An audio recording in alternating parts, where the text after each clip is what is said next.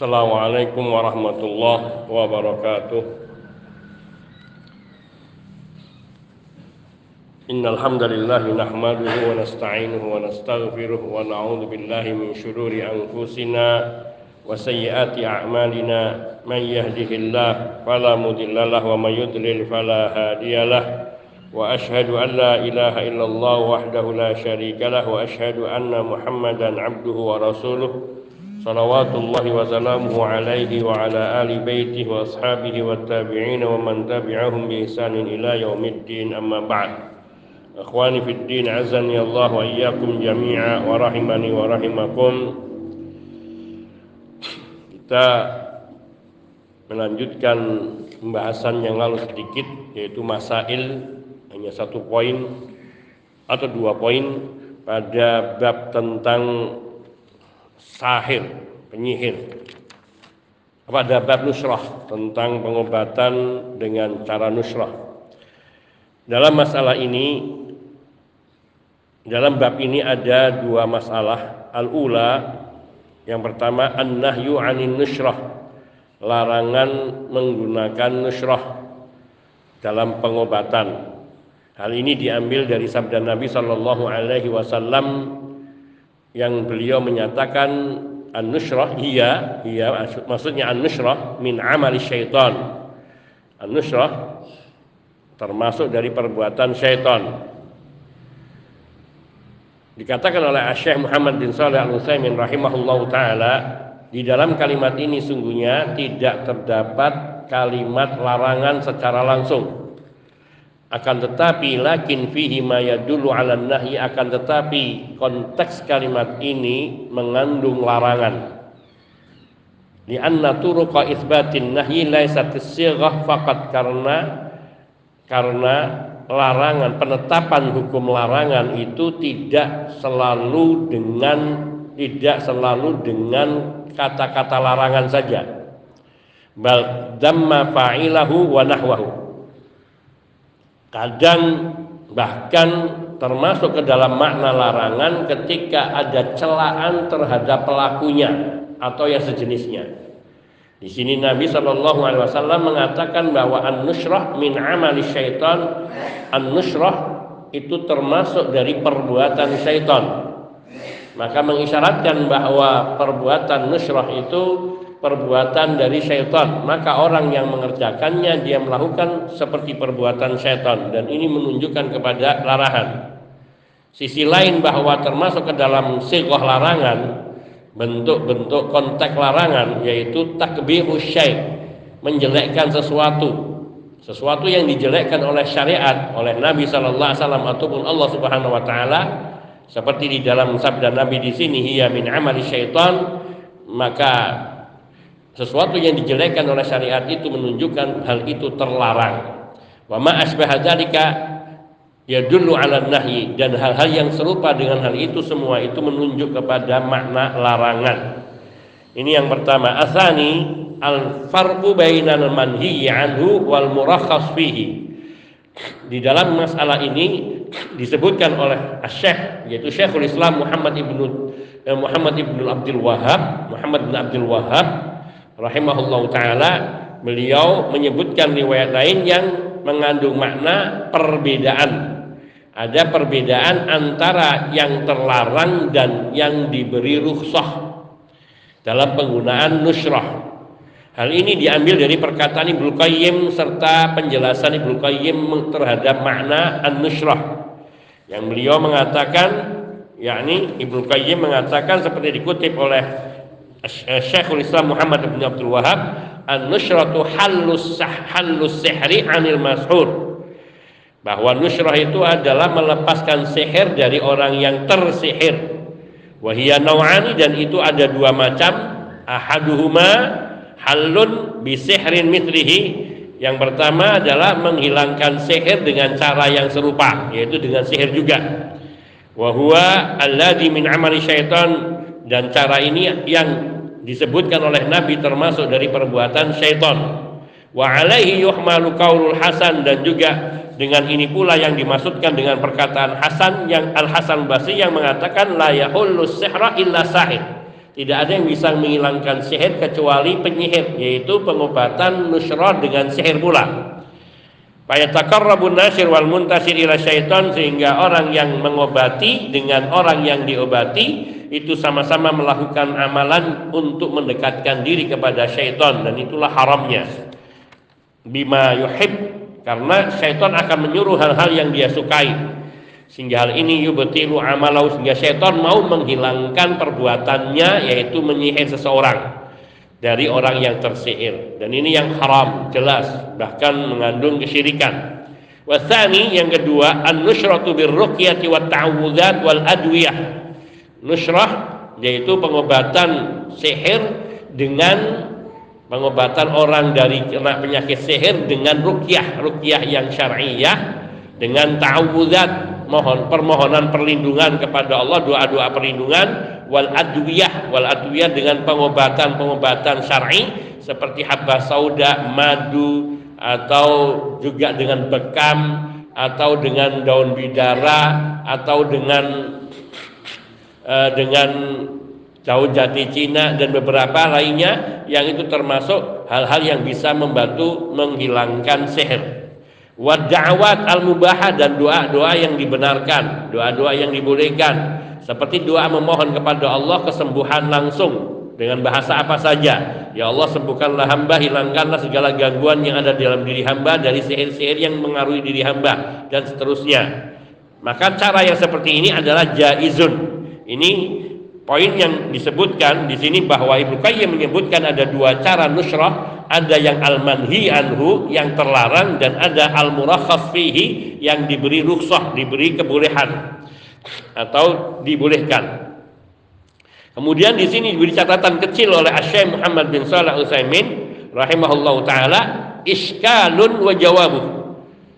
Seperti mimma yuzilul iskal. Karena di sini Syekh Muhammad bin Abdul Wahab rahimahullah beliau mengatakan bahwa antara yang terlarang dan yang diberi e, rukhsah hal ini termasuk yang bisa menghilangkan kebimbangan.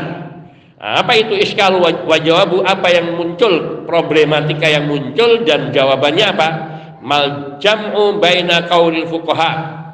Rahimahumullah yajuzu halus sihri bis sihri wa baina qaulihim yajibu qatlus sahir. Di sini uh, ada beberapa perkataan yaitu menggabungkan pendapat dari para ulama rahimahumullah yang di situ ada yang mengatakan bolehnya mengobati menghilangkan sihir dengan sihir. Serta perkataan para ulama pula yang mengatakan wajib dibunuhnya seorang penyihir. Bagaimana menyatukan menggabungkan memadukan dua dua kalimat yang bertentangan ini al jam'u yang di, cara menyatukannya anna muradahum biqatlis sahir man yadurru bi sihrihi duna man yanfa' Ini menurut Syekh Muhammad bin Shalih Al-Utsaimin rahimahumullah bahwa maksud para fuqaha oh, penyihir itu dibunuh yaitu yang membahayakan dengan sihirnya, yang perbuatan sihirnya itu membahayakan orang lain. Dan tidak termasuk di dalamnya sihir yang yang memberi manfaat. Kalau sihir yang memberi manfaat fala yuktal, tidak dibunuh. Au anna muradahum atau maksud mereka para ulama bayanu hukmi halis sihri bis sihri li darurah. Yaitu penjelasan mengenai hukum bolehnya menghilangkan sihir dengan sihir serupa untuk satu keadaan darurat. Wa amal ibqa'u ala sahir falahu nadarun ahar. Adapun membiarkan seorang penyihir untuk tetap hidup maka di sini ada peninjauan yang lain wallahu a'lam Kadang memang di dalam masalah-masalah e, hal semacam ini sering muncul perbedaan ataupun muncul perkataan di kalangan para ulama yang seolah-olah bertentangan. Maka jalan terbaiknya adalah mencoba memadukan dua pendapat yang dohirnya, lahiriahnya bertentangan. Sampai di sini pembahasan kita tentang an-nusrah. Dan kita masuki kepada bab maja'a fit tatayyur bab yaitu perkara bab maja fit tatayyur dalil-dalil dan keterangan baik dalil dari Quran maupun sunnah serta keterangan tentang hukum tatayyur. Nanti kita akan sebutkan apa itu tatayyur.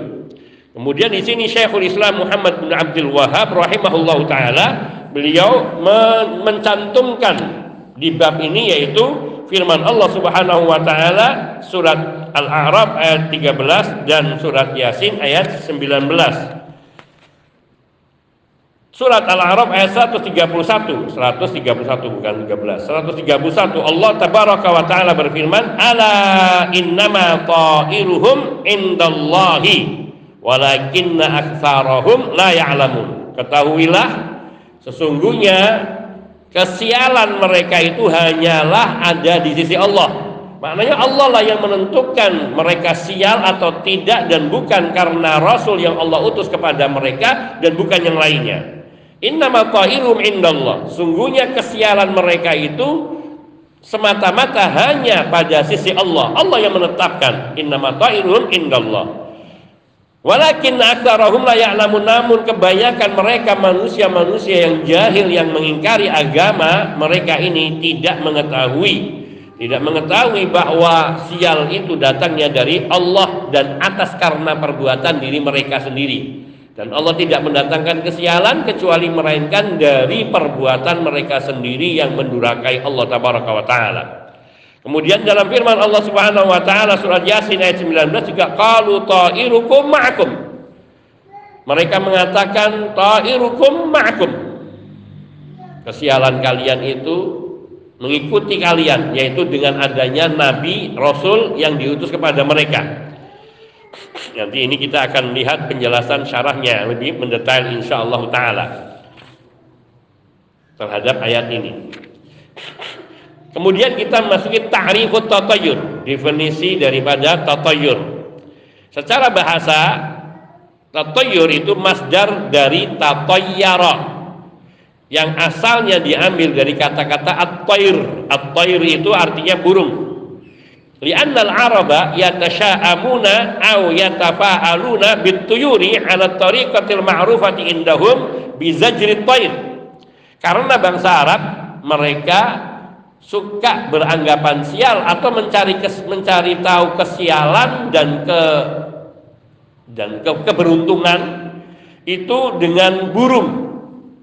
Dengan cara yaitu yang sudah dikenal di kalangan mereka mengusir burung itu dengan sesuatu dilempar burung itu atau dipukulkan dengan sesuatu ke burung itu sehingga burung itu terbang dimasukkan supaya burung itu terbang nanti dilihat kalau dia terbangnya ke arah kanan maka ini adalah keberuntungan.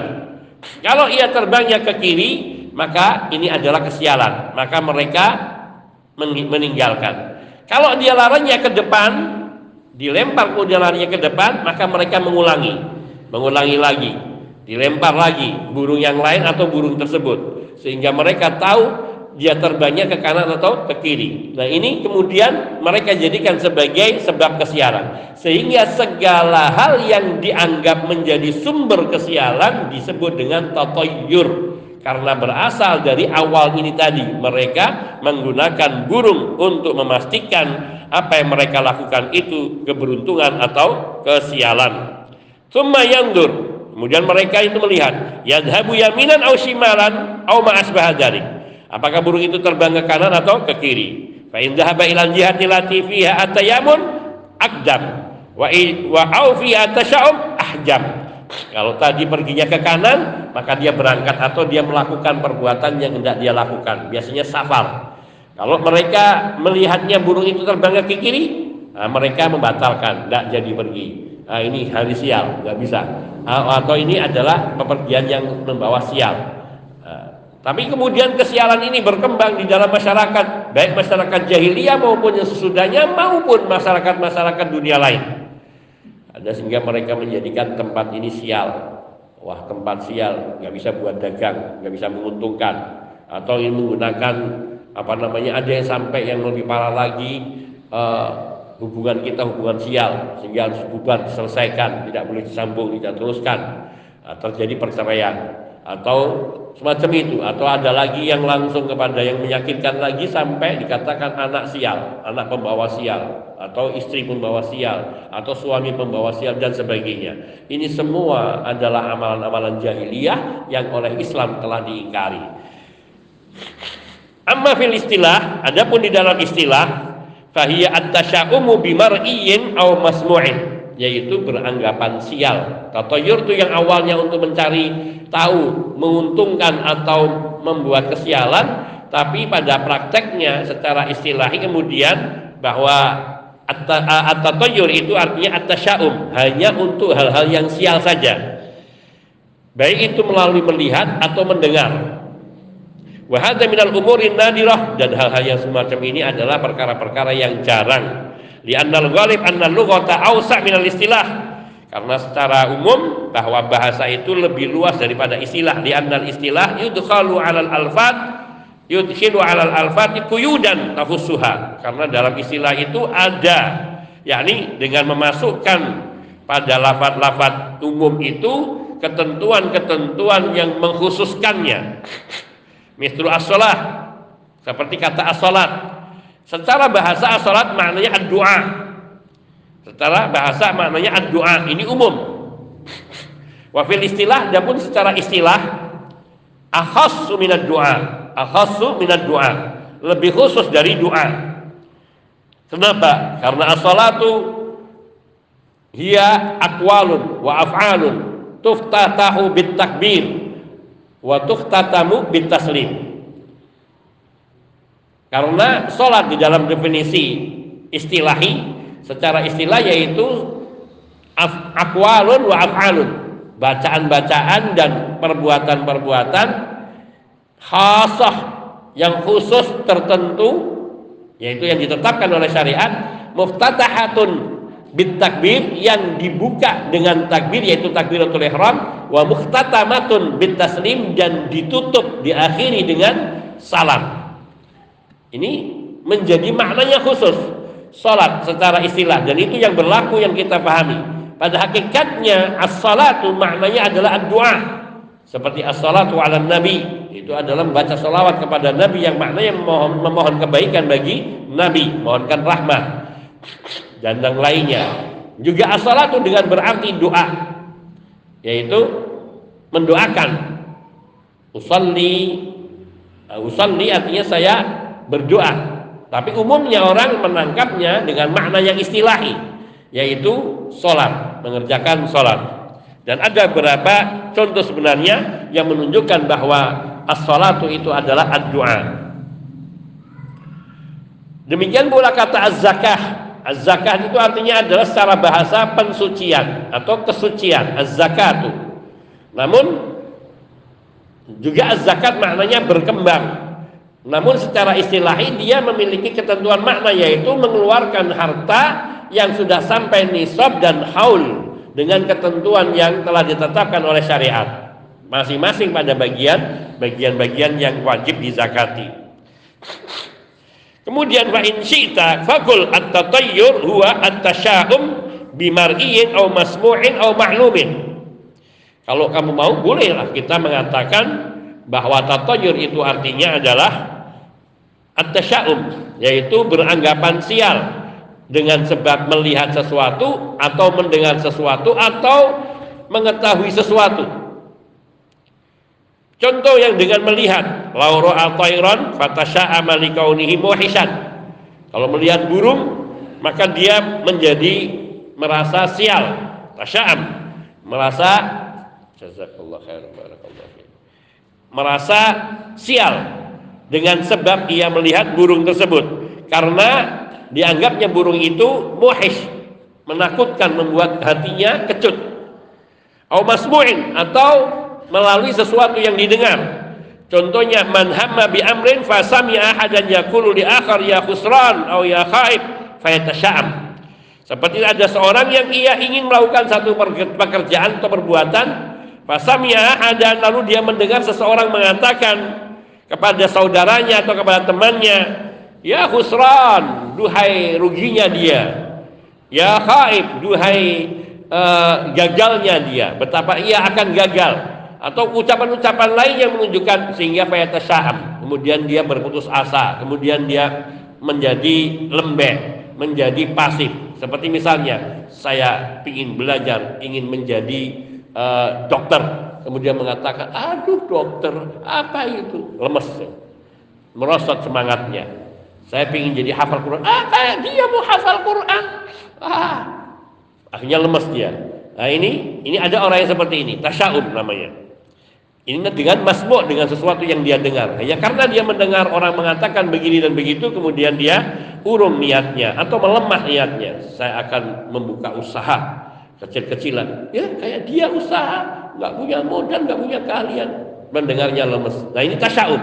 Hal yang semacam ini tercela dan tidak boleh. Au maklumin atau dengan sesuatu yang diketahuinya. Kata sya'um bi ba'dil ayyam au ba'dil masyhur au ba'di syuhur au ba'di sanawat. Fahadi la tura wala la tara wala tasma. Wala tura wala tusma au la tara wala tasma. Yaitu mengenai hal yang diketahui seperti beranggapan sial pada sebagian hari.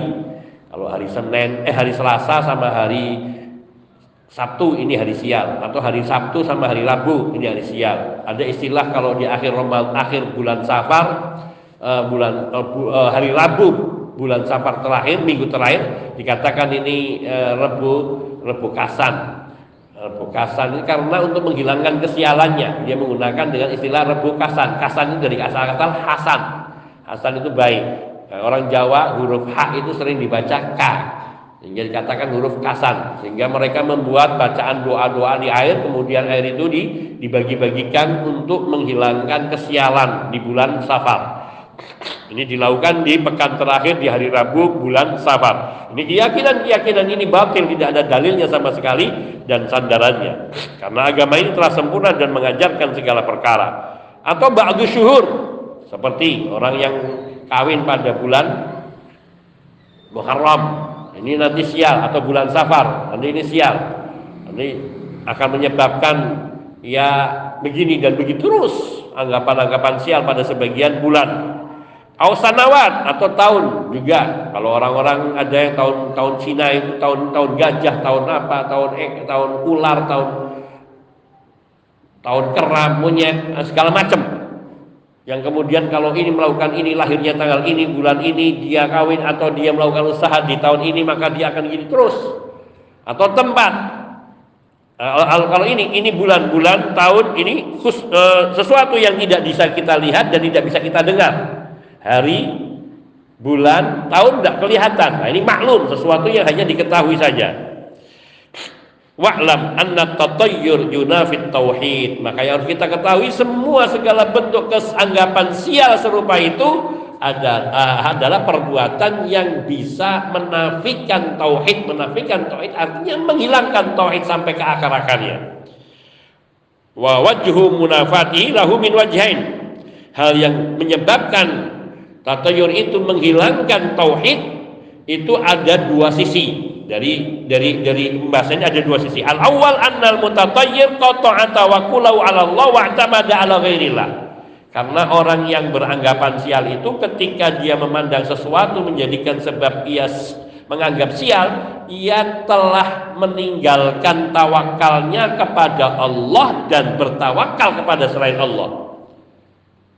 Karena dia beranggapan yang menyebabkan dia sukses atau tidak adalah hari atau bulan atau tahun atau sesuatu yang dia lihat atau sesuatu yang dia dengar. Ah percuma saya usaha kata dia saya nggak mungkin berhasil usaha. Ah, dia sudah beranggapan bahwa kesuksesan atau kegagalan usahanya bukan dari Allah tetapi dia menunjuk kepada perkataannya. Benar juga kata dia, saya memang nggak pantas berdagang. Masih kalau dagang rugi terus. Menunjuk kepada ucapan perbuatan, ucapan seseorang. Hanya karena mendengar. Atau melihat tadi kamu sih buka usahanya di bulan ini maka kamu nggak nggak beruntung. Atau si kamu sih e, buka dagangnya di tempat yang kayak menghadapnya ke arah sini dan, dan seterusnya. Ini semua tatoyur dan itu menafikan menghilangkan tawakalnya kepada Allah dan mensandarkan dirinya kepada selain Allah azza wa jalla Seorang mukmin muslim harus hanya bertawakal kepada Allah dan tidak berpaling dari Allah Subhanahu wa taala dalam semua urusan. Dan itulah yang keharusan. Ini sisi pertama. Sisi kedua, annau ta'allaqa bi amrillah haqiqatalahu. Yang kedua yang menafikan hakik, menafikan uh, tauhid bahwa seseorang yang bertatayyur ia hakikatnya menggantungkan segala sesuatunya kepada sesuatu yang tidak memiliki kebenaran sedikit pun. Tidak ada bukti bahwa ke kekesialannya dengan sebab itu, tidak ada. Seperti orang mengatakan tatoyur dengan hal-hal yang mistik ataupun dengan hal-hal tahayul atau hurafat. Anak oh, anaknya masih atau uh, seorang uh, seorang ibu yang sedang hamil tujuh bulan. Ah, diselamatilah mitoni, oleh orang bahaya anakmu koyong ini koyong ini. Nah, ini mengkaitkan dengan Padahal kita katakan orang-orang di Amerika, orang-orang di Cina yang mereka kafir, tidak ada istilah mitoni. Dan mereka anaknya yang ganteng, lahir, ada yang jadi kaya. Kenapa kok membatasi dengan kesialan dengan sesuatu semacam hari? Dari mana sumbernya? Agama tidak pernah menunjukkan satupun. Mitoni, terus apa lagi?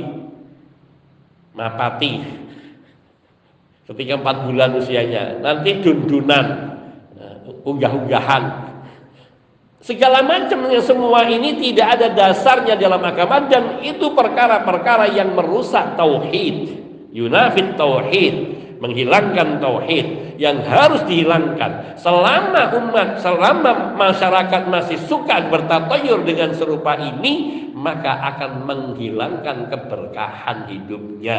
Karena ia telah merusak tauhidnya dan ketika tauhid itu rusak pada diri seorang, maka Allah lepas diri dari orang seperti itu. Nauzubillah.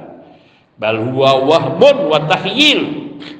Perbuatan tatayur itu hakikatnya hanya bentuk waham. Waham itu adalah kebimbangan, keraguan, ketidakmantepan dalam hati. Watahyil dan juga hanya halusinasi, imajinasi, ia berhayal, wah kalau begini nanti jadinya begini dan seterusnya. Fa ayu rabitatin baina hadzal amri wa baina ma lahu? Apa hubungannya antara mitoni dengan nanti anaknya begini dan begitu? Tidak ada hubungannya. Bagaimana cuman hanya dengan dimitoni?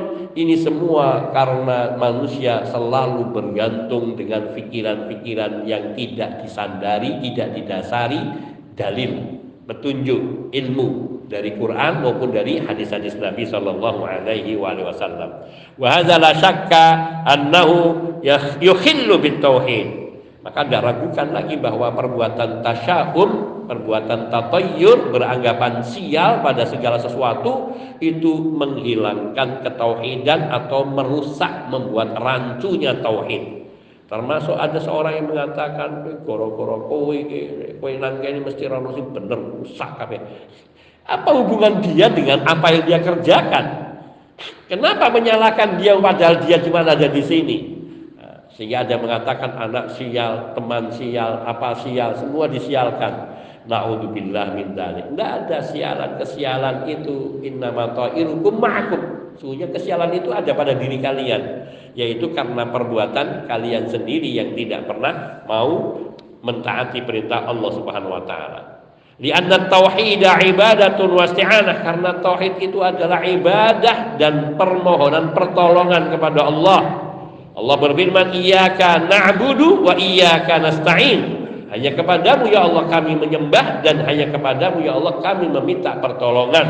Maka apabila seseorang meminta pertolongan atau menggantungkan hatinya kepada selain Allah berarti dia berpaling dari beribadah kepada selain Allah. Berpaling beribadah dari selain Allah. Artinya dia tidak kepada Allah kepada yang lainnya. Dan itu yang merusak tauhidnya. Allah juga berfirman di dalam surat Hud ayat 123 fa'budhu wa tawakkal alaih sembahlah dia Allah dan bersandarlah bertawakallah hanya kepadanya maka ini sangat jelas sekali bahwa seseorang muslim di dalam semua apa yang ada dalam benak dan pikirannya, dalam semua rencana dan apa yang dia kerjakan, selalu diperintahkan untuk bertawakal kepada Allah Subhanahu wa taala dan bukan bertawakal kepada diri sendiri, tapi kepada Allah, apalagi kepada yang lainnya. Kepada diri sendiri saja tidak boleh, apalagi kepada orang lain selain Allah Subhanahu wa taala.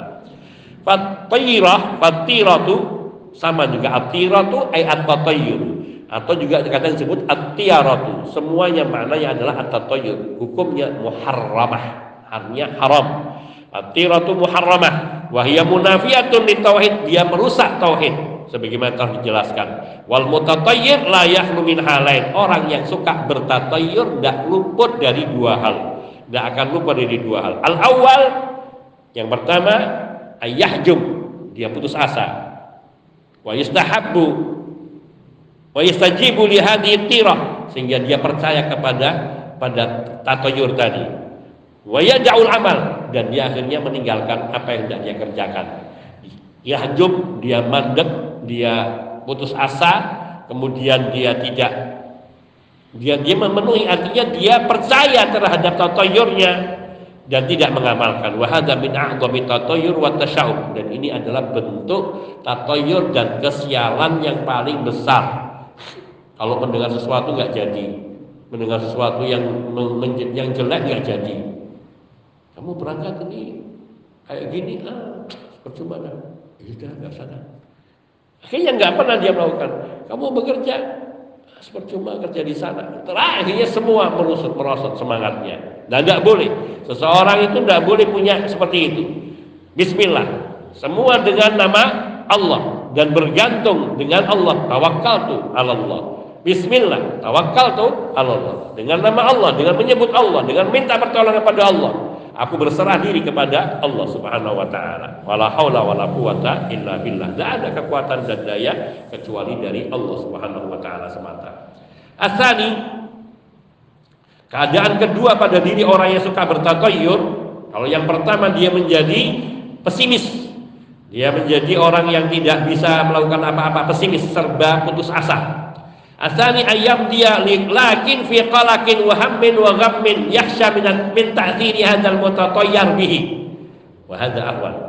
Yang ini lebih ringan yaitu tetap dia jalankan Anda. Tapi orang yang suka percaya dengan tatoyur meskipun dia tetap jalan pikirannya kacau, hatinya gelisah. Dia terus bersedih, terus khawatir. Jangan-jangan benar yang dikatakan. Jangan-jangan ini benar nanti seperti ini. Nah ini muncul, tapi ini lebih ringan sedikit. Namun sama saja tetap jelek. Paling tidak mengotori tauhidnya.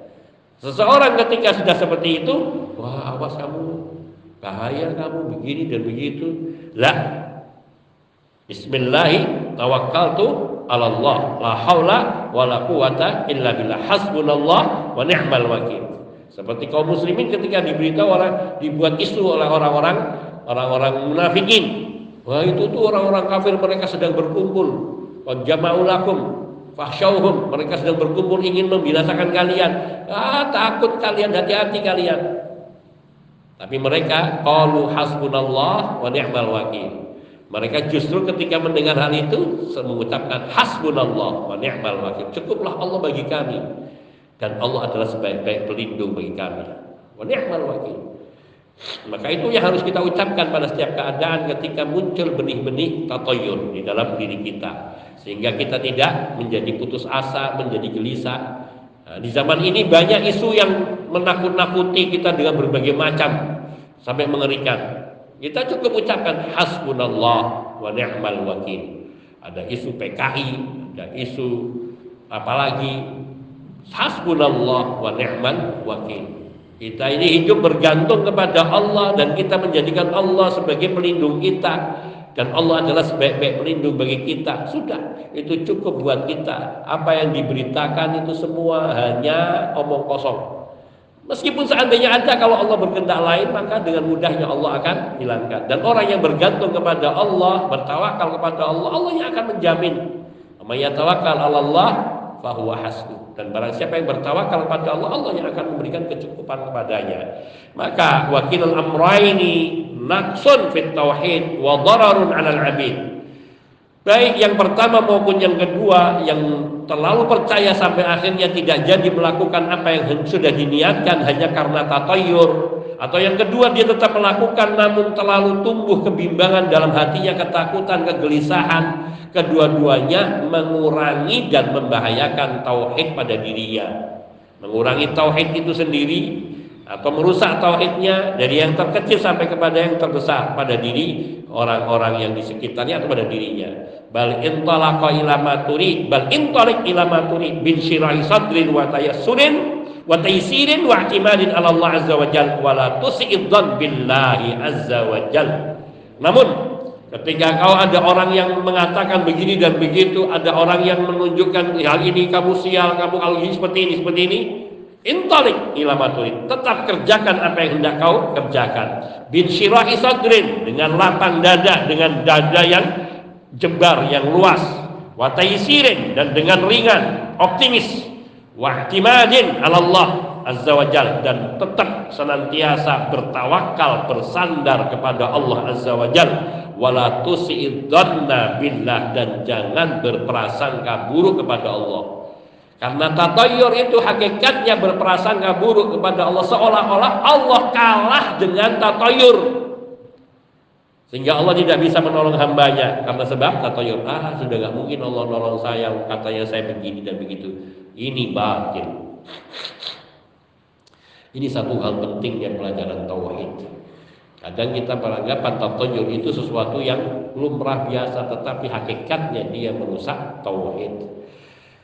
Ini pembahasan kita cukupkan sampai di sini. Wa insya Allah taala kita lanjutkan nanti penjelasan mengenai dua ayat pada bab tersebut di atas. Hadza minni wal afu minkum sallallahu wasallam ala nabiyina Muhammadin wa alihi wa sahbihi ajmain walhamdulillahi rabbil alamin. Subhanakallahumma bihamdika asyhadu an la ilaha illa anta astaghfiruka wa atubu ilaik. Assalamualaikum warahmatullahi wabarakatuh